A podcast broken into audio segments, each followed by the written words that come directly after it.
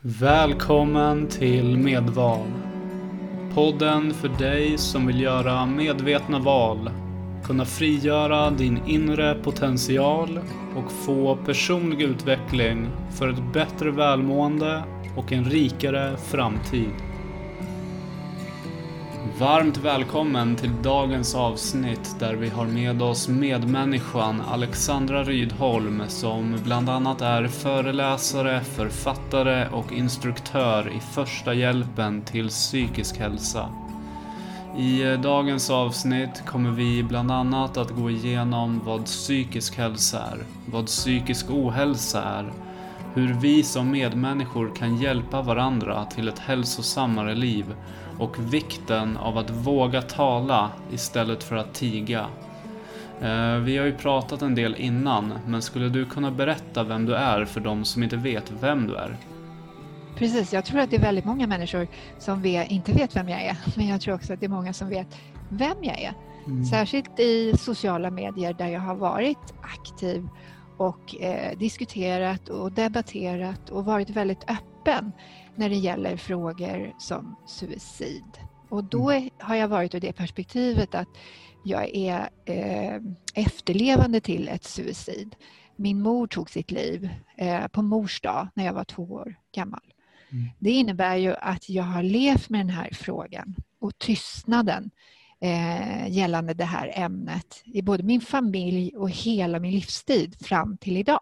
Mm. Eh, och när man har bearbetat någonting som har hänt i 50 år, då är man ganska trygg med det. Man kan prata om det. Eh, man, har, man har gått i terapi. Man, har, man känner inte att man börjar gråta varje gång man pratar om det, utan på något sätt har det landat så mm. pass att man känner att eh, under hela min livstid har jag upplevt och mötts av mycket fördomar och mycket hyschande om detta. Mm. Och det kände jag ganska tidigt var någonting jag ville ändra på. Mm. Men fram till 40 års ålder så hade jag, var jag vad man skulle kunna säga en riktigt sån här duktig flicka. Jag var entreprenör. Jag pluggade. Eh, jag var supermamma till tre barn. Jag var, liksom, jag var specialist och ville vara bäst på allt. Eh, vilket i sig är jag någonting som jag är väldigt stolt och nöjd med. Men när jag fyllde 40 så, så drabbades jag nog av en, liksom en existentiell kris på så sätt att ett av mina barn hade fötts med en ganska omfattande hjärnskada. Eh, och det blir ju så här att när man kliver in i en helt ny värld inom sjukvården och inom allt vad det innebär att vara förälder till någon med funktionsnedsättning, då öppnar sig en värld som man inte kände till men som man inser är väldigt viktig att eh, livet är på riktigt. Det händer. Och det finns ett enormt lidande här och människor som verkligen kämpar för sina mänskliga rättigheter varje dag. Eh, och jag var på något sätt helt inne i en karriär där det snurrade väldigt fort. Jag hade en homestagingföretag, jag jobbade som mäklare, jag snurrade liksom miljonbelopp varje vecka utan att blinka. Mm. Men när jag fyllde 40 då så hade jag köpt en lägenhet och skulle göra en, eh, om man säger så, in och ut, en exit. Man går in, man gör ordning, man renoverar lite snabbt, byter möbler och sen flippar man den och säljer igen.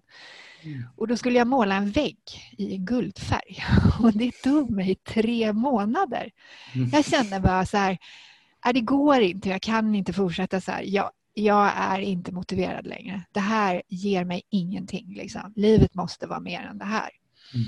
Så när jag skulle sälja den här så mycket riktigt så kom det då en undersköterska och hade gått rätt in i fällan. Eh, bjudit alldeles för mycket på den här ettan på nedre botten. Och när vi skulle skriva kontrakt så kände jag att nej, jag kan inte lura henne och säga att egentligen har jag köpt den här lägenheten för 800 000 mindre än vad du nu betalar sju månader senare. Så att mm. hon fick den där till ett hyfsat pris. Och mm. efter det så fick jag möjlighet att åka med en av mina vänner som heter Göran Arvinius eh, till Vitryssland.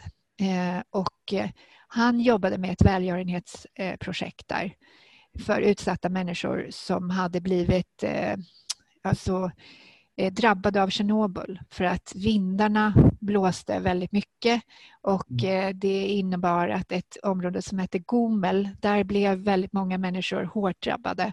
De åt eh, grönsaker för att det var billiga grönsaker fast de var fullt av radioaktivitet och avfall. Ehm, så att de födde ju barn med fruktansvärda deformationer. Mm. Så jag, på min 40-årsdag då köpte jag en jättedyr handväska på Gucci till min bästa väninna. Och sen så köpte jag en flygbiljett och så följde jag med till Vitryssland. Och där eh, gick vi runt i verkligheten eh, på ett sätt. Mötte människor som eh, liksom fick välja mellan att köpa medicin till sitt sjuka barn eller mat till sina friska barn. Jag mötte människor med sådana deformationer att de aldrig hade träffat någon annan människa förutom läkare, sina föräldrar och nu jag då som stod där blond och ja, vi gjorde så att vi köpte datorer som vi installerade i de här individernas hem så att eh, mammorna, för det var ju många gånger ensamstående mammor, kunde hyra ut sina datorerna för att tjäna pengar på datortid.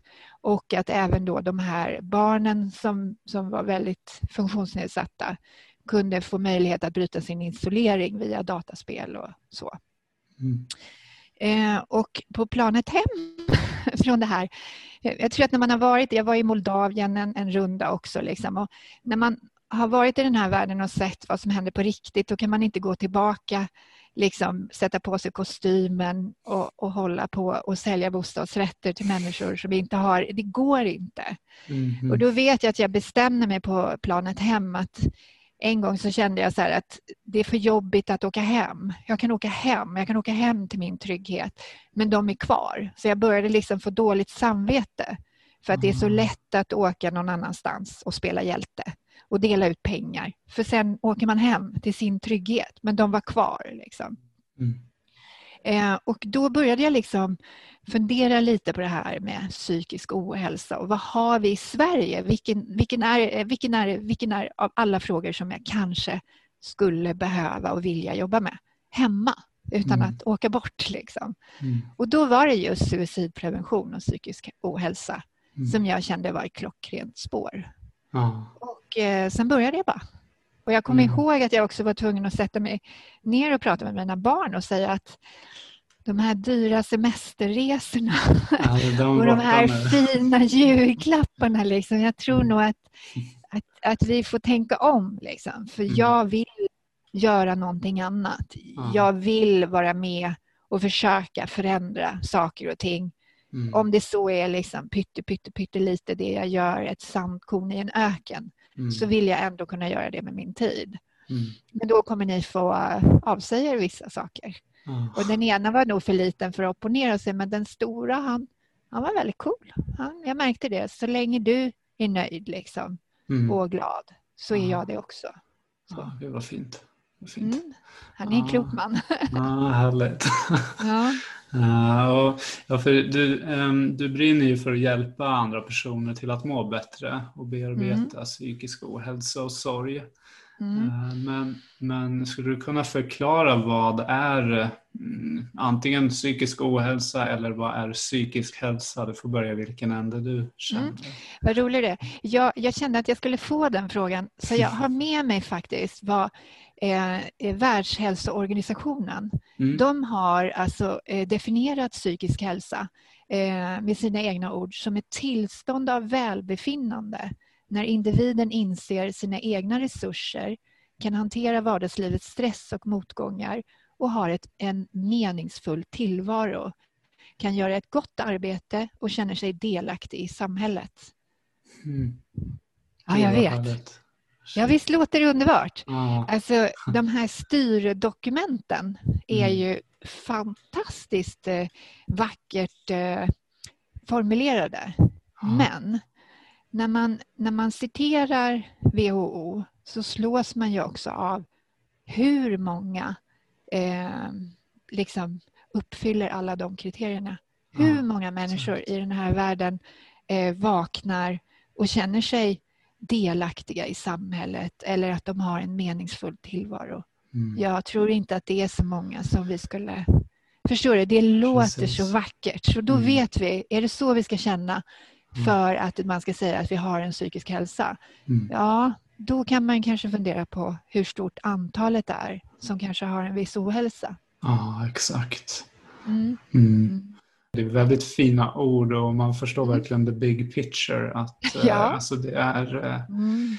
Mm. det är inte det lättaste att hitta meningen med livet och känna att man är Nej. Eh, delaktig i någonting större.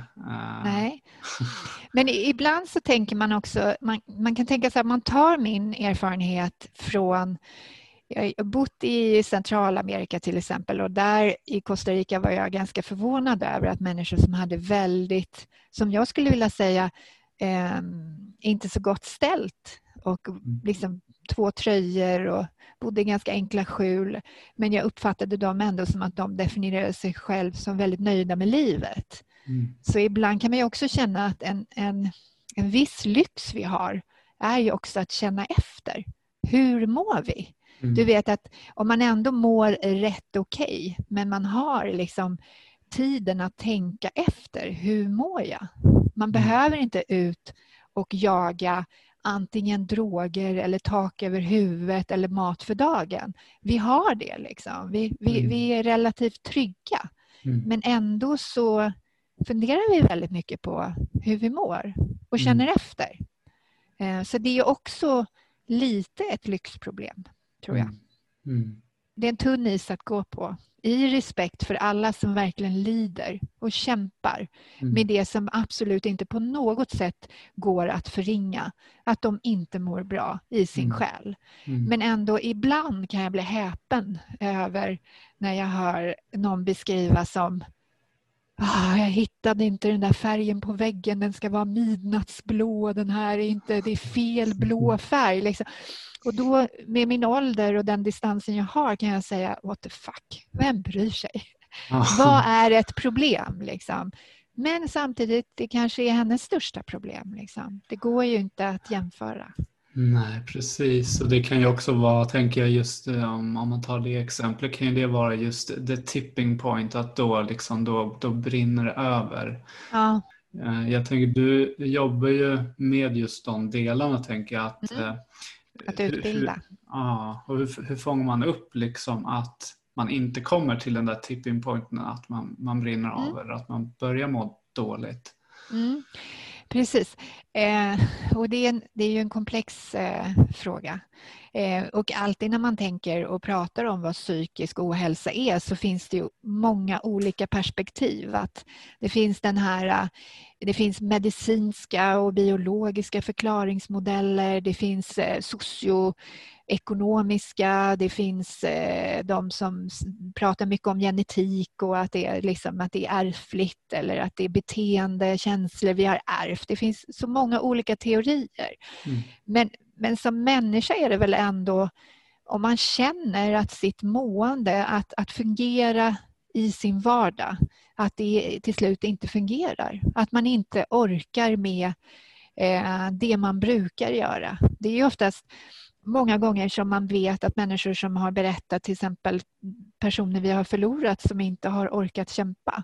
Mm. Att det är ju inte ovanligt att, att de anhöriga beskriver att nej, men vi märkte ingenting. Mm. Eh, många människor är ju duktiga på att kämpa ännu mer när de mår dåligt. På mm. att eh, polera sin fasad och i skuld och skam göra allting för att dölja det, både för sig själva och för sin omgivning.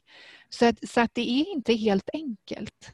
Men det finns eh, små saker vi kan vara uppmärksamma på hos mm. våra närstående. Mm. Och det känner jag är jätteviktigt att man pratar om för att om vi inte lär oss vad det kan vara då blir det väldigt svårt att våga fråga hur mår du? Och det är det vi gör, att, att den här mental health first aid, alltså första hjälpen till psykisk hälsa, det är ju en tvådagarsutbildning som Karolinska institutet har tagit fram och översatt både språkligt och kulturellt. Eh, eller det nationella suicidpreventiva centret som har tagit fram den från, eh, tagit in den från Australien. Och världen över så är det idag i 24 länder samma utbildning som ges och det är över nu ska säga, fyra miljoner första hjälpare som har gått den här utbildningen världen över. Så vi vet att den fungerar. Vi behöver inte säga så här, är den evidensbaserad eller inte? Den är det. Vi vet att det fungerar. Mm. Och hur fungerar den? Ja. Om alla människor, gemene man, det som jag säger, jag är ingen psykolog. Jag är, har massa, massa fina betyg som jag kan hänga upp på väggen och diplom och, och utmärkelser. Men, men jag står som medmänniska och utbildar andra medmänniskor till att våga vara medmänniska när någon mår dåligt eller befinner sig i en psykisk kris. Mm.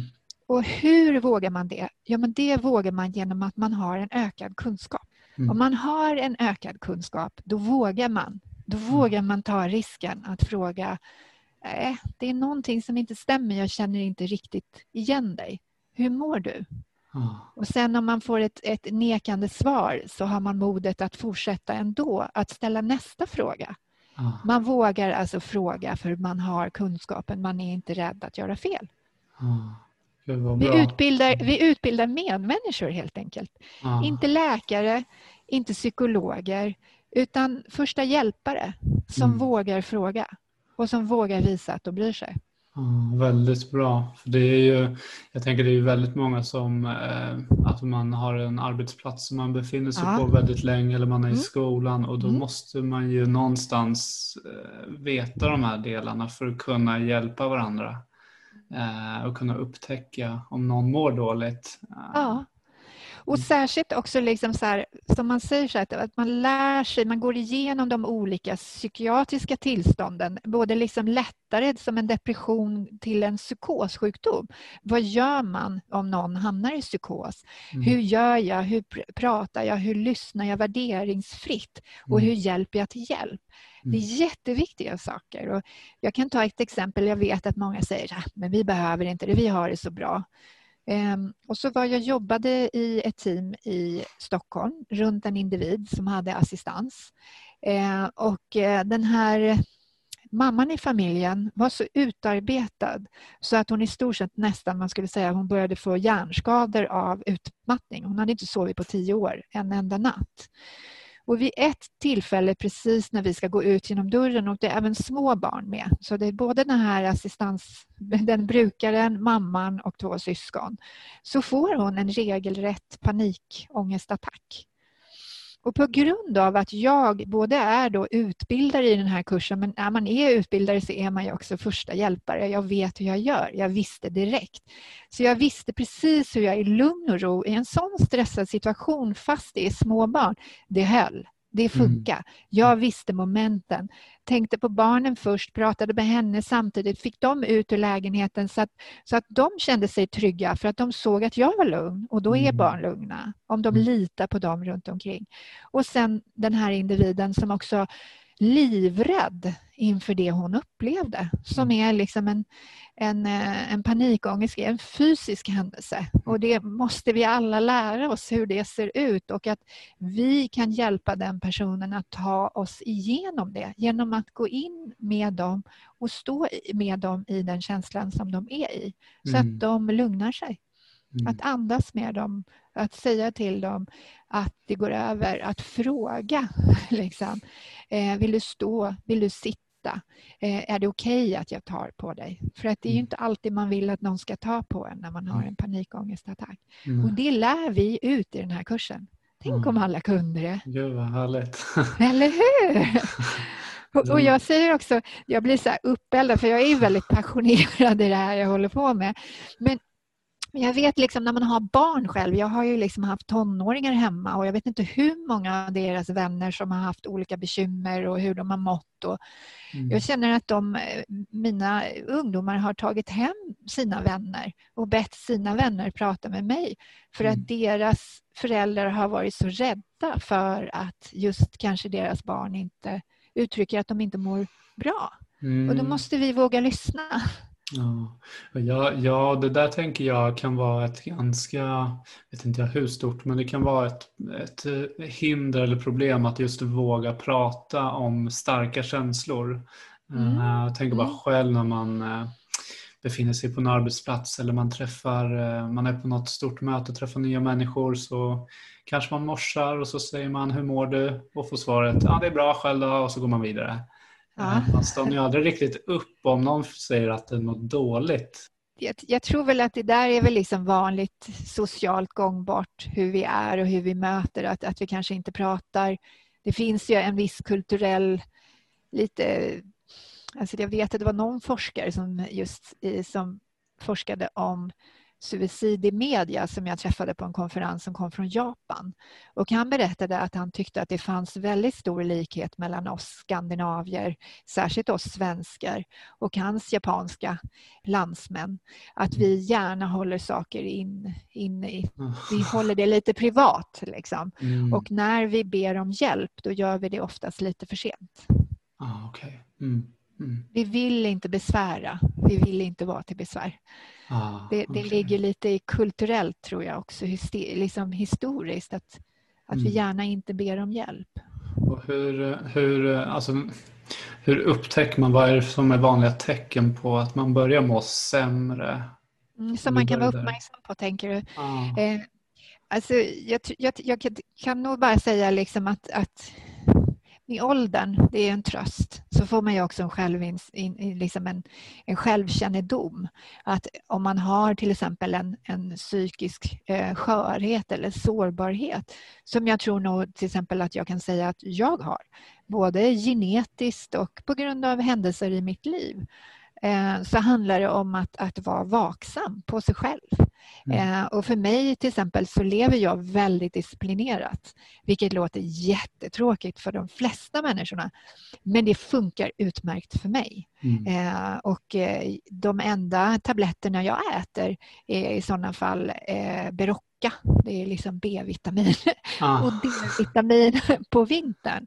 Men i mm. övrigt så sover jag väldigt. Jag är väldigt noga med att gå och lägga mig i tid och försöka få de där timmarnas sömn. Mm. Eh, jag är noga med vad jag äter. Jag är mm. jättedisciplinerad, tränar helt galet fem dagar i veckan. Och jag rubbar inte på det. Utan det är liksom så här, ett mål mat lagad, eh, ett lagat mål, mål mat om dagen. Mm eh, god sömn, mm. utomhusvistelse om man inte tränar. Gå ut och ta en promenad. Liksom. Det spelar ingen roll om det är snö. Gå ut en timme och gå. Eh, det är liksom mina, mina, mitt recept till att må bra och ha självdisciplin. Mm. Och det, det kan ju vara många som saknar det också. Jag tänker just om det snöar eller regnar ute. Om man, man vet ju att det är bra att gå ut och gå. Jag vet man gör inte. Hur, hur kan man ändå ja. säga jag Precis. Jag vet, jag brukar skratta åt att, att eh, barnen är ju våra sanningssägare. Eh, och min äldsta son Georg, vi brukar kalla honom the Buddha boy. Eh, han är väldigt eh, klok, har alltid varit klok. Och jag minns att jag kunde säga på morgonen så här att idag ska jag känna mig lite sur, jag ska gå ut och springa. Och sen gick jag runt i de där träningskläderna och klockan han blev tolv och han blev tre. Och då spelar det ingen roll vad han gjorde, då kom han ut ur sitt rum och kom ut liksom, och gick runt hörnet och så sa han så här, Hörru mamma, skulle inte du ut och springa idag? Och då är det bara att gå ut. Liksom. Så det, det, man kan ju ha liksom, mm. dem i sin omgivning. Man kan ha kompisar som peppar en. Och, och, mm. men, men då måste man ju liksom be en kompis. Hörru, kan du ringa mm. mig tre och säga att jag ska gå ut och ta en promenad? Ja, just det. Ja. Ta hjälp liksom. Ta hjälp. Ha sparringspartners. Ja. och sen träna inte för alla. Det är ju verkligen, ska man ju säga. Mm. Det, jag vet inte, alla håller på att träna nu. Det, så var det inte när jag var ung. Inte 17 höll inte alla på med, med sport. Mm. Nu ska alla hålla på tvättbräda. Och, men man kan ta en promenad. Ja, det tycker jag låter sunt. Mm. Jätteenkelt. det har väl kommit, kommit mer och mer om det nu att eh, det räcker med att träna eh, tre gånger 30 minuter i veckan. Man behöver ja. inte träna en timme varje dag eller liksom Nej. alla ska träna inför ett program som är inför OS. Och de tränar och tränar och fast de tränar så mycket så är de ändå inte nöjda med resultatet. Så att det, mm. Jag har gjort det där, jag har sprungit de där loppen och jag, jag, jag Mm. letade efter samma sak som jag hade där. Jag upplevde ju glädje och tacksamhet till att jag kunde springa men jag hittade inte det på de där tävlingarna. De bara Mm. puttades. Det var inte alls... Det var som, alltså, ta ett typexempel, Thomas Di Leva är ute och springer ett lopp i klänning och de puttar honom. Jag kände att vi var inte där med samma skäl. Liksom. nej, nej. Nej. Mm. Mm. Yes. Eh, sen tänker jag också på, eh, det finns ju också situationer där, eh, som du berättade, att det oförutsedda kan uppstå, Mm. att någon nära går bort eller nå någonting radikalt sker. Och Mm. hur hanterar man en sån situation? Har du någon, något förslag på det? Eller, Ja. Ja. Patrik, vet du om en sak? Det både du och jag ska vara helt förberedda på det att just det du nämner, det oförutsägbara livet, det kommer hända både dig och mig. Men Mm. just nu när vi lever i nuet så vet vi inte vad. Så vi ska ju inte liksom gå omkring och oroas för att jag kanske vaknar imorgon och har cancer. Jag då som har gått igenom ganska mycket saker och jag, jag brukar idag när jag ger intervjuer inte vara för ingående i det privata för jag känner att jag ändå kan vara personlig. Mm. Idag lever vi i en tid när människor bara fläker ut sin olycka och det enda vi gör är att sitta och läsa om olycka istället för att försöka hitta inspiration. I, vi Mm. vet att den gick med, var med om en svår olycka men vad tog den vidare? Det är jag Ah. intresserad av. ja, ja, Livet kommer hända.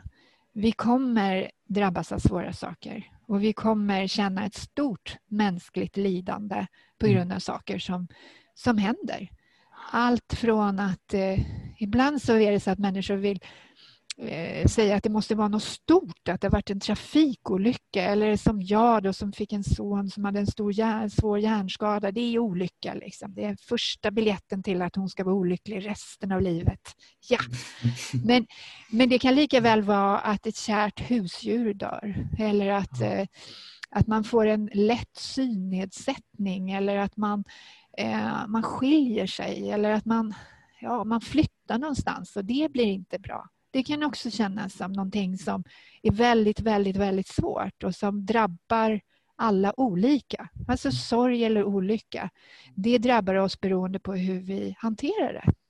mm, Och hur vi hanterar saker är ju också beroende på vilka förutsättningar vi har att hantera det. Det är ju alltså inte bara så att man kan säga så här, oh, jag är jättestark, varför är inte alla andra så starka? Utan, utan jag har då trots en viss sårbarhet haft lite bättre förutsättningar än andra. Därför jag till exempel har haft en, en väldigt stark känsla av samhörighet, att jag har varit i ett, ett sammanhang. Alltså det är så KASAM säger man i, inom Mm. psyk- psykiatrin. Att känna att man har en känsla av tillhörighet och, och då är man i den känslan när man drabbas av svårigheter. Så man, man har en, en, en större chans att klara det bra.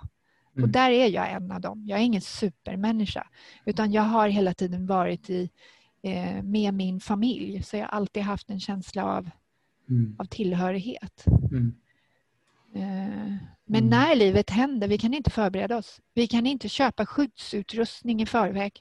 mm. Vi vet inte om vi kommer behöva hjälm, knäskydd eller om vi kommer behöva respirator. Vi vet inte det nu, Det men vi vet att det händer. Mm, Tyvärr. Liksom. Precis. Och det Mm. kan man säga sen när, man, när jag har varit ute och föreläst, för jag har ju föreläst mycket om både suicid och psykisk ohälsa och framförallt om anhörigas situation. Att anhöriga till människor som inte mår så bra mår inte heller så bra alltid. Mm. Så att, så att, och då när man får de här berättelserna till sig om människor som verkligen har varit, som jag uppfattar drabbade och upplevt sig själv som drabbade, vilket också är en viktig detalj. Eh, då berättar ju de ändå om de här medmänskliga superhjältarna som Mm. på något sätt ändå mitt i all olycka har klivit fram och vågat stå kvar. Mm. Eh, och det önskar jag jag tror inte på samhället. Jag tror inte, liksom, jag tror inte på att WHO ska skriva, eh, skriva direktiv åt oss. Utan jag tror på dig Patrik. Jag tror på, du mm. gör ju någonting nu. Du sprider mm. ju, du gör ju någonting. Du sitter mm. inte där i din kammare utan du mm. berättar och delar om dig själv personligt. Och mm. pratar med människor som du tror kan göra det du vill göra ännu mer. Mm, alltså mm. tillsammans. Du, jag, vi. Det finns mm. inget jag här. Mm. Utan jag klarar inte mig själv här på jorden. Jag är här idag därför jag har haft min familj och mina barn och mina vänner runt omkring mig. De är inte många när man drabbas av livet. De är sjukt få. Man kan räkna dem på en hand. Mm. Men shit vad de är tuffa och vad de är trogna. så, att, så att liksom, och det, det, vi klarar oss inte själva. Vi behöver andra människor. Och mm. vi behöver också lära oss att säga jag behöver hjälp. Ja, den tror jag verkligen är viktig att våga, våga säga när man känner att man ja, inte mäktar med. Ja, det kan räcka med att man märker att man inte har ätit bra på ett eh, Nej. par dagar eller att man mm. sover lite sämre, man har huvudvärk mm. eller spänningar. Då är det mm. lite tecken på att någonting kanske inte stämmer. Nej. Att eh, våga då stanna upp och prata med någon om att mm. eh, det är någonting som inte står riktigt rätt till. Nej. Mm. Att jag, och, och, också liksom, om man, beroende på hur den vännen är, man väljer ju sina vänner men oftast hittar man ju några. Så man har ju, jag har ju några som är i min telefon som är som livlinor och vi, vi brukar alltid säga att vi kallpratar aldrig, vi bara varmpratar. Oh. Och då, då, då säger vi inget så här, ja, jag har ätit det här, jag är här, jag är i det här landet utan vi, vi kommer direkt till vad det är vi behöver prata om. Mm. Då säger vi direkt att det här har hänt, jag känner så här, vad ska jag göra? Eller kan du lyssna? Eh, och, och sådana behöver vi nog leta upp för jag tror att vi alla nog har någon, även ja. fast vi kanske inte alltid har hittat dem. Ja, just det. Ja. Mm. Mm. Och för de som känner, alltså det kan ju vara vissa personer som känner att de absolut inte har någon. Har du, finns det, det finns Åh Gud, vet du om en sak? Det där, jag vet inte, jag går igång på det där. Mm. För, att, för att när man läser så här alla, eh, jag satt idag och skrev en, en uppsats i, just i psykiatri och där när jag satt och precis som det här om WHO, vad är det liksom som, vad är hur mår vi, hur har vi det när vi har psykisk hälsa? Ensamma. Vi är väldigt ensamma. Jag tror att just vi svenskar, jag kan bara prata här, det jag ser, så, så tror jag att vi tror att vi har sällskap. För vi kanske har, vad är det, liksom 2000 vänner på Facebook och 70 personer vi håller koll på på Instagram. Men det är ju inte ett möte. Det är mm. ju inte det. Vi kan inte ta på varandra. Vi kan inte, vi kan inte läsa det där finstilta i varandras berättelse. Mm. Utan där sitter vi väldigt mycket bakom en skärm. Och, och som jag tror att absolut det finns fördelar. Jag är för det. Jag är för allting. Jag älskar att det finns appar och man kan ha de här psykologerna på bara en litet knapptryck. Jag älskar det. Mm. Mer sånt. Liksom. Men, men eh, just ensamheten, vad gör man när man känner sig ensam? Nummer ett är att säga att jag känner mig ensam och att försöka våga möta den känslan att jag är ensam. Jag tror att det är många som känner så och känner också även, det var någon klok som sa till mig att det finns ju ensamhet men ensamhet kan vara att man känner också en existentiell ensamhet. Mm. Att man alltså inte har någon att, eh, att prata med när det gäller de djupa, riktiga frågorna. Eh, och då, då, behöver man ju rannsaka sig själv för då kan det ju vara så att man känner sig ensam fast man står och har 80 pers på en fest som är där för att fira en själv. Men ändå så känner man en existentiell ensamhet. Att man... Mm, mm. Jag vet att de gjorde några undersökningar på det där. Hur, när människor skulle säga hur många människor har du att ringa om det händer någonting på riktigt? Det blev jätte, till och med jag tyckte det var jättejobbigt. För jag, jag, ringde alltid min faster, men hon var född 1932 så Eivor har ju tyvärr lämnat oss nu. Mm. Men, men jag, hon var liksom min, jag ringde alltid henne, jag visste att jag kunde ringa henne vad det än var. Hon skulle aldrig döma mig. Eh, alltid lyssna och alltid komma med kloka råd genom att vara tyst. Ah. Man liksom lyssnade bara, du vet hennes yeah. öron. Ah. Så, så att jag tror faktiskt att jag är ensam på så sätt. Ah. Ah. Jag är också en av de ensamma. Mm. Så hur skulle man kunna göra då? Ja, Ah. du och jag, Patrik, vi skulle kunna komma överens om att, eh, att, att du ringer mig om det är så. Jag Ah. håller det löftet. Ah. Vi behöver alltså prata om det Just för det. att ah. blotta frågan. Precis som du och jag gör nu. Ja. Det kändes betydligt enklare när du, när, du, när, det, när du sa det där svaret så kändes det som att ja, men då frågar jag dig också. Om du, eller säger rättare sagt Ja. att du kan ringa mig också. Ja, det känns direkt ja. mycket lättare att man vet att man har någon. Att bara skjuta ut den frågan eller säga det att jag finns här Mm. för dig. Mm. Eh, Det, det Den är bra, eller hur? Och, och jag tror också att, att hitta den personen är också, jag tror man känner när någon annan behöver det. Jag tror man möts där. Jag tror vi Ja. vet. Liksom. Jag tror att de finns runt omkring oss. Liksom. Mm. Jag, jag, jag var på ett uppdrag nu och jobbade lite i somras under covid-19. Och där fanns det en tjej i teamet som jag kände direkt, nej, men hon är sån man kan sätta på listan. Hon är sån man ringer. och, då, som jag sa, att den där listan är liksom, kan man ju, de människorna kan man ju räkna på en hand. Mm. Men även jag kan känna en existentiell ensamhet Mm. faktiskt.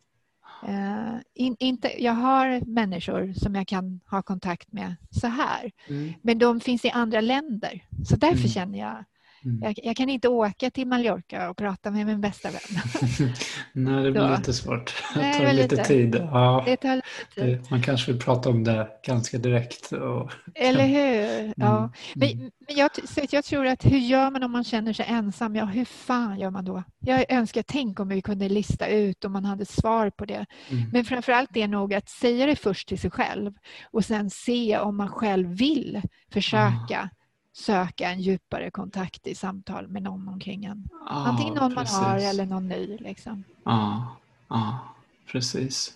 Mm. Och om inte det så finns det ju också andra, alltså det finns ju stödlinjer också. eh, det tänker finns jag. det. Som Oj, oj, oj. ett eh, option också självklart. Och, precis, och när, du, när du nu liksom kommer publicera den här eh, podden så är det ju jätteviktigt att man då lägger ut alla de här sidorna som nu finns. Det, det Mm. fanns ju inte för några år sedan och det, det rasslar ju in. Eh, du ska få en lång lista vart man kan vända sig. Mm. Men, men när vi pratar du och jag så tänker jag att jag kanske inte vill säga när du säger vad gör jag om jag känner mig ensam? Ring jourhavande präst. Ah, eller, Nej, Eh. Men, men, men det finns, det finns den Ja. backupen nu och det finns till exempel Mind har ju en chatt som är öppet dygnet runt och Just som det. nu liksom Mm. fick eh, eh, pengar till att kunna göra det av, av eh, efter Aviciis bortgång och, Mm. och att hans familj har, har drivit det här så att de har fått resurser till att göra det. Mm. Eh, men, men utöver det så tänker jag att försöka titta i sin närmsta omgivning. Mm. Är det inte så att jag kanske behöver lägga tid för att också fördjupa en vänskap med någon som jag har runt omkring mig? Jag tror Det det, finns kandidater. Mm, och jag tror att det är, eh, alltså du är inne på någonting större, alltså att just det blir en gemenskap, att vi faktiskt Mm. gör, eh, hjälper varandra på plats eh, Mm. och blir Mm. trygga med någon vi faktiskt känner i omgivningen. Mm. Mm. Och, och, för mig är det också liksom så att, att när man utbildar i första hjälpen till psykisk hälsa så är det liksom att, att jag utbildar ju medmänniskor. Så jag utbildar ju sådana som ska kunna eh, möta en människa som känner en existentiell kris och, och känner sig ensam. Jag eh, vill att en person ska kunna veta hur man närmar sig en sån person, hur man lyssnar, hur man ställer rätt frågor om hur den känner sig och framförallt hur man lyssnar utan att värdera en annan människas liv eller situation. Mm. Att inte döma. Mm. Eh, det kan vi träna oss till. Liksom. Så, Mm. så, att, så att det, eh, jag kan väl säga att jag, där jag bor, har koll på mina grannar på ett sätt som inte är normalt. Men, men jag är deras to go to, det vet jag och det är helt Mm. okej. Jag, jag, jag är van med det och min familj är van med det. Och, och, och vem skulle annars göra det? Liksom? Jag kan ju inte blunda. Eh, och det är inget jag mår dåligt av. Det är inte Mm. så att jag bär deras tyngd utan Ja. jag vet bara att jag, jag vet hur man kan erbjuda sig att finnas där. Gud vad fint. Mm. Mm. Men det kan alla lära sig. Ah. Eller hur? Det är ingen Absolut. magi att vara människa. Det är ju Nej. bara att våga liksom. Att Ja. våga. Mm. Precis, och det, där tänker jag på den här, äh, om man ska hjälpa någon annan så måste man ibland hjälpa sig själv först. Så känner man Ja, att man alltid. kanske inte kan hjälpa någon så Nej. kanske det är första svaret på att jag behöver någon hjälp i början. Absolut. Eh, ibland ser man ju exempel på det, människor som själva kanske inte mår så bra och i sin egen terapi hjälper fritt till höger och vänster. Mm, mm, Och det är ju kärlek också och det, det finns ju något fint i det, men det är ju inte alltid bra utan mm, eh, för mig är det ju så att, att jag inte hjälper personen, jag hjälper personen till stöd och hjälp. mm, Jag hjälper inte, jag lyssnar. Jag Mm. löser ingens problem. Jag tar inte tur med någons problem. Jag hjälper personen genom att lyssna, inte värdera och att hjälpa och stötta till hjälp. mm, mm. Mm. Så jag är liksom som en sluss.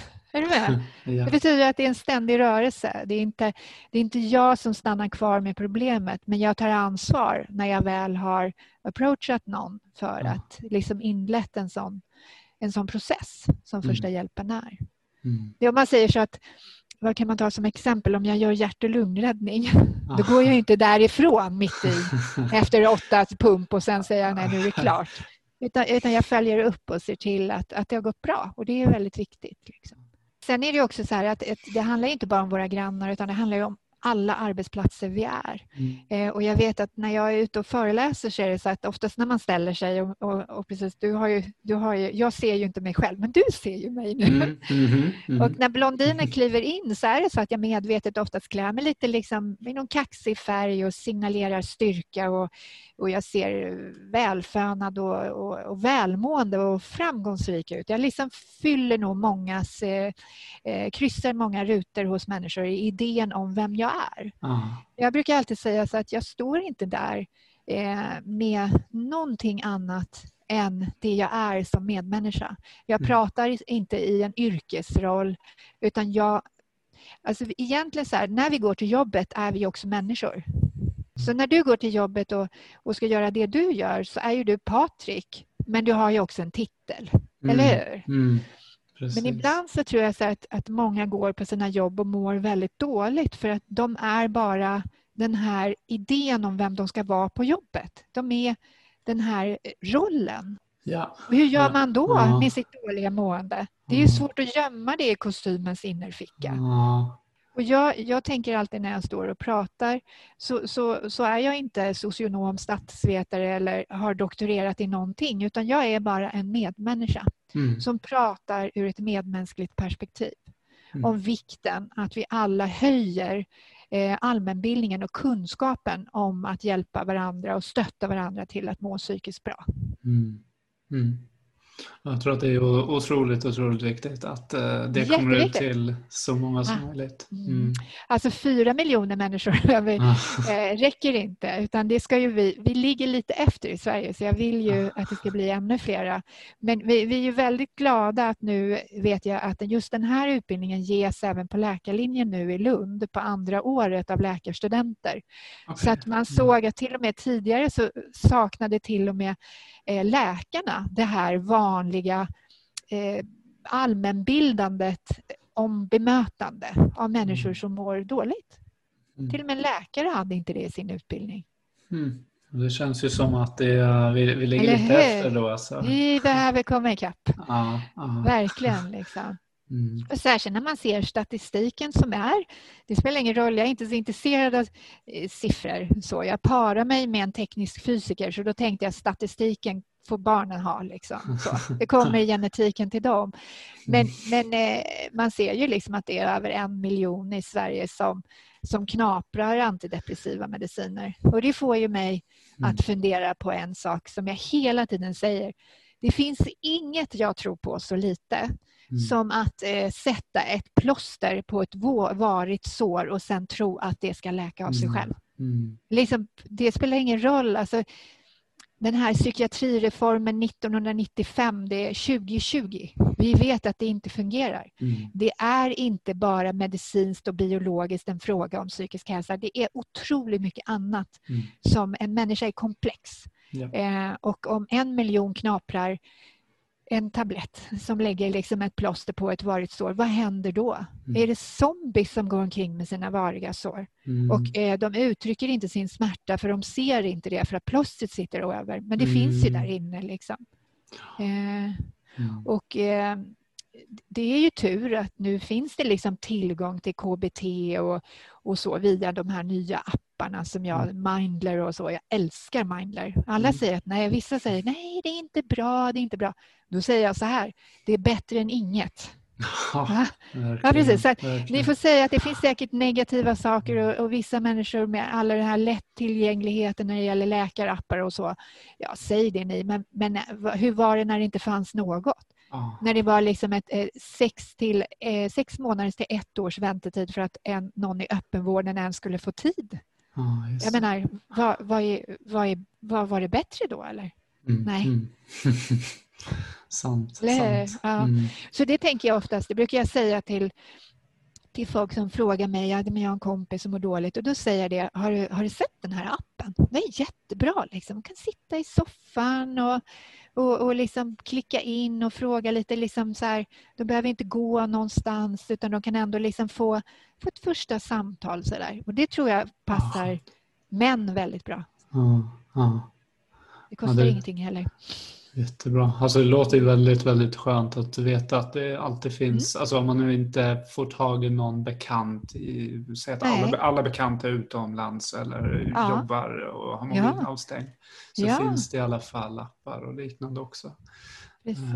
Mm. Och, och, nu, nu är jag extremt medveten att precis som jag sa att, att alltså, jag var två år när min mamma tog sitt liv. Så mm. 50 år har jag tänkt eh, och funderat på det här med psykisk hälsa och psykisk ohälsa och suicid. Mm. Så det, det, är en lång tid att känna sig avslappnad med ämnet. Mm. Så jag vet att jag, att jag är det. Men för mm. mig är det fortfarande en gåta. Varför människor när de mår dåligt. Om man, det kan ju faktiskt vara så, det kan jag själv känna att så här, nej men jag orkar inte fråga den där kompisen. Jag har redan frågat den kompisen tio gånger eller den kompisen har egna problem.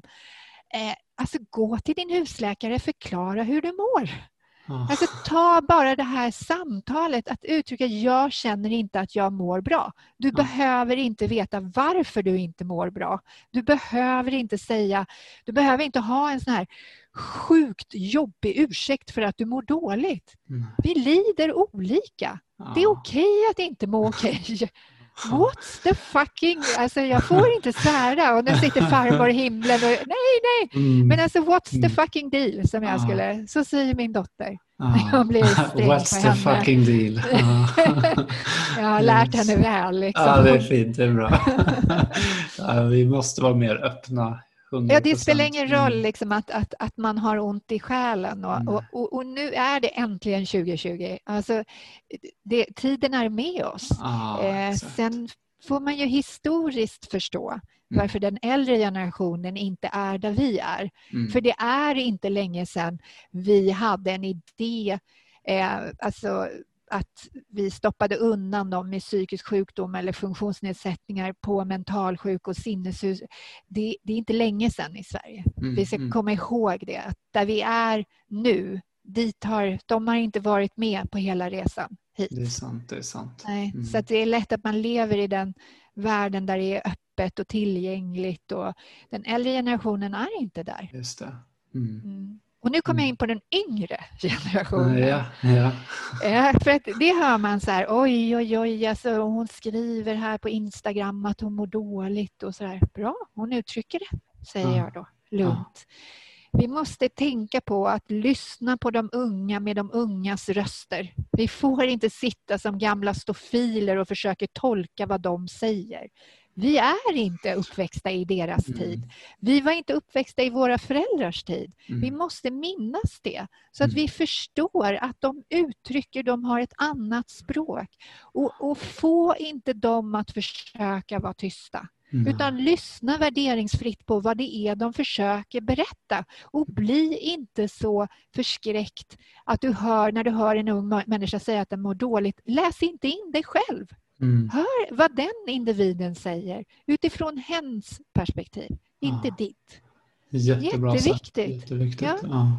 Det vackra är liksom när man till exempel har sett en ung människa komma och säga jag upplever ångest och att man som vuxen då har kunnat i trygghet stå kvar och lyssna mm. utan att få panik för att det här är något obotligt som vi ska leva med med resten av livet, för det är ju inte så. Mm. Utan med rätt bemötande och, och, och med rätt verktyg så kan en ung människa med ganska svåra bekymmer ändå leva ett drägligt liv. Mm. Och vi, vi, vi, är inte perfekta som mm. människor. Vi mm. är inte konstruerade så, utan vi har saker i, vår, i vårt jag som är otroligt jobbiga att hantera. Det är att mm. vara människa. Ja. Mm. ja, men så är det ju verkligen. Och det här med att eh, jag tänker mycket på eh, sociala medier och hur, eh, mm. hur eh, man också kan se att um, det pratas mycket om att man tror att man ska leva på ett speciellt sätt, att man blommar mm. ut det här lyckliga livet som egentligen inte, alltså det, det, är ju egentligen en liten fasad eller liksom en uppmålad bild. Det pågår ju mm. mycket där bakom de här bilderna och de sociala medierna som, inte, som, som man kanske inte målar ut då. Nej. Eh, att man får en fel uppfattning av vad ett lyckligt liv är. Alltså, mm. eh, lyckligt liv innehar ju också sorg och jobbiga mm. stunder och eh, mm. livet är inte perfekt. Och det är så Nej. det ska vara. När man accepterar det så mm. tror jag att det blir otroligt mycket enklare. Eller hur? Och vad, alltså, ärligt talat, om, om jag skulle med de orden som du beskriver som är jättebra, det är otroligt bra uttryckt, så då skulle inte jag ens orka gå upp ur sängen för då skulle mitt liv vara så imperfekt och jag var så imperfekt så då är det lika bra att köra mig till skroten. Mm. Jag mm. passar inte i den mallen och jag önskar vi alla bara vågade gå omkring och vara lite trasiga. Alla, alla vet ju att jag är trasig för jag har pratat om det så att jag kan egentligen inte göra annat än att överraska människor åt det andra hållet. Jag har till och med gjort det till mitt yrke att prata om min trasighet. Så antingen är jag en idiot, helt fullkomligt galen, eller så är jag briljant. Ja, jag skulle säga det sista. Briljant. ja, nej, men det, det, det, det är faktiskt min faster som var så klok. Hon sa vi tar den svagaste länken av dig i din historia och så bygger vi ett imperium, sa hon. Ah, shit vad fint. Ja. fint. Ja. Ja. ja, lite roligt. Mm. mm. Nej, men jag tror verkligen eh, stenhårt på att ju mer man kan visa att man är trasig eller att man har varit med om mm. saker som gör att man inte är perfekt, då, mm. då får man ju också bemötande och man, mm. får, man kan både få och ge kärlek på ett helt annat sätt och få mm. ett mer lyckligt och meningsfullt liv. Absolut. Och, och, och, jag kan känna så att, att eh, jag får ju väldigt många berättelser och många jag möter, de kanske träffar mig en, två gånger och sen kanske de googlar och så läser de någonting om mina berättelser. Både, jag har ju gamla berättelser och, och nyare liksom på nätet. Man kan hitta allt möjligt spännande där. Mm. Eh, men då ser jag också att de öppnar sig. Så att jag känner ju det att jag har jättetur. Jag tror alla har den här underbara verkligheten jag har där jag väldigt fort får möta människor på riktigt för att de öppnar sig. Och, och det gör de för att jag har levt öppet. Mm. Så det är den största gåvan av alla. Den dag mm. man säger så här, fy tusan, jag är så trasig så jag inte ens orkar, alltså jag orkar inte ta ett steg till. Ja. Då händer det någonting med mm. omgivningen mm. som ja, är jättefint. Ja. Mm. mm. Ja, man visar sig sårbar och genast så finns tryggheten där. Jag tror ja. att det, det, blir lite så. Ja. Och jag tror också så att det finns, det finns en skräck tror jag som, som man sällan pratar att när människor, när man har barn så ska man som förälder inte visa att man mår dåligt eller man ska vara så superstark. Det tror jag inte heller på. Jag tror våra barn är så kroka så enda gången de känner oss otrygga, eh, känner sig otrygga med oss är när vi låtsas. Mm, ja. Du kan bara vara den du är. Liksom. Ja, och den tror jag är väldigt viktig. Alltså, för det är samma sak där att eh, man måste våga visa att man eh, har tuffa perioder för annars målar man upp ah. en bild att livet är perfekt. Ja. Och hur ska de då när de möter sin liksom, period av att vara människa som kommer ganska snabbt eller flera gånger, hur ska de hantera den? Liksom? Mm. Du menar, risken är ju att de kan, kanske inte vänder sig till oss. Det, det, finns ju det om man inte har, har visat den delen av sig själv också. Liksom, att, att det är inte så märkvärdigt, det är att vara människa. Mm. Och, och, och, varför det är så viktigt, det du och jag pratar om, det är ju att vi att psykisk ohälsa inte ska leda till psykisk sjukdom. Alltså obehandlad, när psykisk ohälsa pågår under för lång tid så är det lätt att en människa blir sjuk. Och när en person har blivit sjuk då har vi en mycket längre resa tillbaka. Mm. Om vi bara kunde upptäcka, våga bemöta, titta på det, våga fråga eh, i tid så skulle vi kunna rädda många människor mm. från ett lidande som de kanske inte ska behöva komma mm. till. Mm. Jättefint, jättefint sagt. Ja, Eller hur? Ja. Men, och jag ska säga, och det har jag glömt, jag, jätte, vi är ju på, jag, har, vi, jag pratar ju jättegärna om sorg. Mm. Och vi, när det gäller att möta människor eh, så är det så att vi är 32 kvinnor som har skrivit om att förlora en mor i en bok. Och den här boken har ju skrivits tillsammans och det heter När mammor dör. Och när det handlar om gemenskap och om att vi alla bär någonting, att vi alla har liknande ryggsäckar, det är bara olika färg. Liksom. Lite detaljer i innehållet men vi bär alla våra ryggsäckar. Och när man läser de här korta 32 berättelserna i den här fantastiska boken, då ser man verkligen vad meningen av vi är och vad meningen av tillsammans. För 32 olika personer som beskriver sin, sina förluster och sin sorg av en mor, eh, sida vid sida, bo, liksom bokblad efter bokblad, det är styrka. Det är vi, det är tillsammans. Det är liksom, tystnad är ingenting. Tala, eller in, eh, tala inte, tiga är grejen. Köp den boken också, alla som lyssnar. om, ni undrar, om ni undrar om sorg, så är det, alltså, det är så starka berättelser och det är så fint och lagom långt. Och, mm. eh, den, eh, det är det tillsammans där, vi gör det här. Mm. Jag vi tröstar varandra. Det där, det där är jätteviktigt och jättebra för det blir ju verkligen om, om det är flera stories tillsammans ja. så märker mm. man att vi är tillsammans och man kan känna ja. igen sig mm. och man kan vara öppen och man kan mm. dela mm. och man kan och det, bli lyckligare. Jag vet. Och hon som är, eh, Lotta Sirik, hon som är redaktör och tagit sig an det här helt, alltså helt otroliga uppdraget att göra det här. Hon måste ha haft ett jättejobb att försöka liksom få ordning på oss. Mm. Men det finaste är att hon är lite mer hur ska man säga, strukturerad än mig. Okay. Så att det, när jag öppnade boken så förstod jag inte vad hon har gjort men då har hon i varje kapitel också eh, skrivit liksom sorterat ut oss eh, för i vilken ålder vi förlorade våra mammor. Så man kan liksom öppna boken och när vi letar efter liksom en tröst så söker vi oftast hos någon där vi kan känna en likhet, gemenskap med. Så här kan man då, okej okay, jag förlorade min mamma när jag var åtta år, då bara gå i index och kolla åtta år, ja men då läser jag de här berättelserna. Jättebra. Mm. Men det är just det här tillsammans som är så viktigt. Att, mm. att vi kan trösta varandra också tillsammans genom att prata. Mm. Både om, om sorg och, och också om lycka. Jag tänker om du bara kunde nämna tre saker som ger dig mest energi. Vad får du energi av? Det jag pratar om, liksom medmänsklighet och att, att vara med och förändra hela den här världen i det lilla till någonting bättre. Och även om inte jag kan någonsin mäta det jag gör så när jag lägger mig och och försöker somna på natten så vill jag känna en känsla av att, att jag har gjort någonting som känns bra och som kanske förändrar.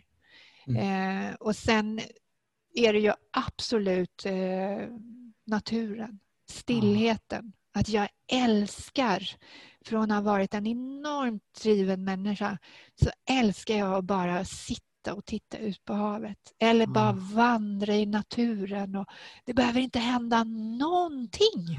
Ingenting. Mm. Kanske liksom man hittar en snäcka som ser annorlunda ut, om ens det. Men du, nu har jag sagt två saker, så jag har ju faktiskt den viktigaste punkten. Och mm. det, det, det, det talade vi om här hemma igår. Så, så gick vi igenom min respektive skrattade och sa vem ska prata med dig? Du är inte dugg intressant, sa han och skojade med mig. Sådär.